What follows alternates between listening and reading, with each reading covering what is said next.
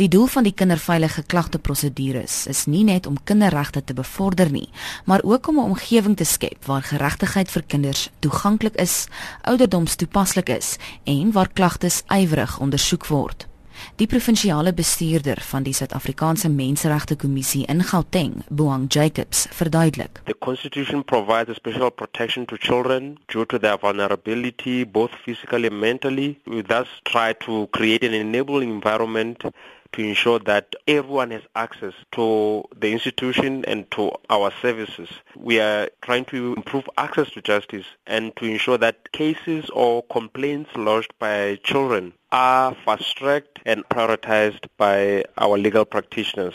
Die kindervriendelike klagtehanteringsprosedures dien as 'n gids vir kinders wat klagtes van geweld, mishandeling en ander misdade teenoor hulle wil rapporteer sonder die teenwoordigheid van 'n derde party. The current complaints procedure does cater for children, but the South African Human Rights Commission deemed it appropriate to have a dedicated child-friendly mechanisms to reiterate that children are empowered to be able to lodge complaints by themselves independent of third parties so that when they approach our offices that there's a rapport established with them and treat their cases or complaints with confidentiality and ensure that we do not disclose to any person outside the commission. Jacobs sê ondanks die konstitusionele beskerming van kinderregte is daar 'n stygings in misdade teenoor kinders.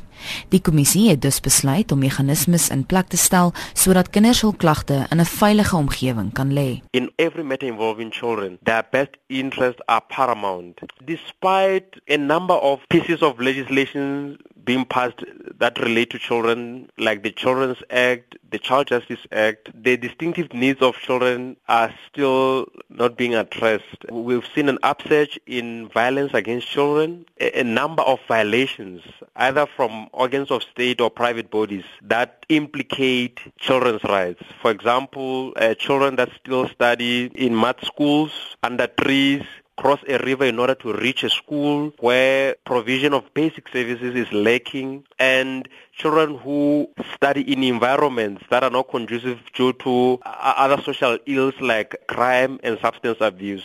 So much more can still be done, but we hope we, we will have a greater focus on the distinctive needs of children in South Africa. Dit was die provinsiale bestuurder van die Suid-Afrikaanse Menseregte Kommissie in Gauteng, Boang Jacobs. Ek is Jean Marie Verhoef vir SAK nuus.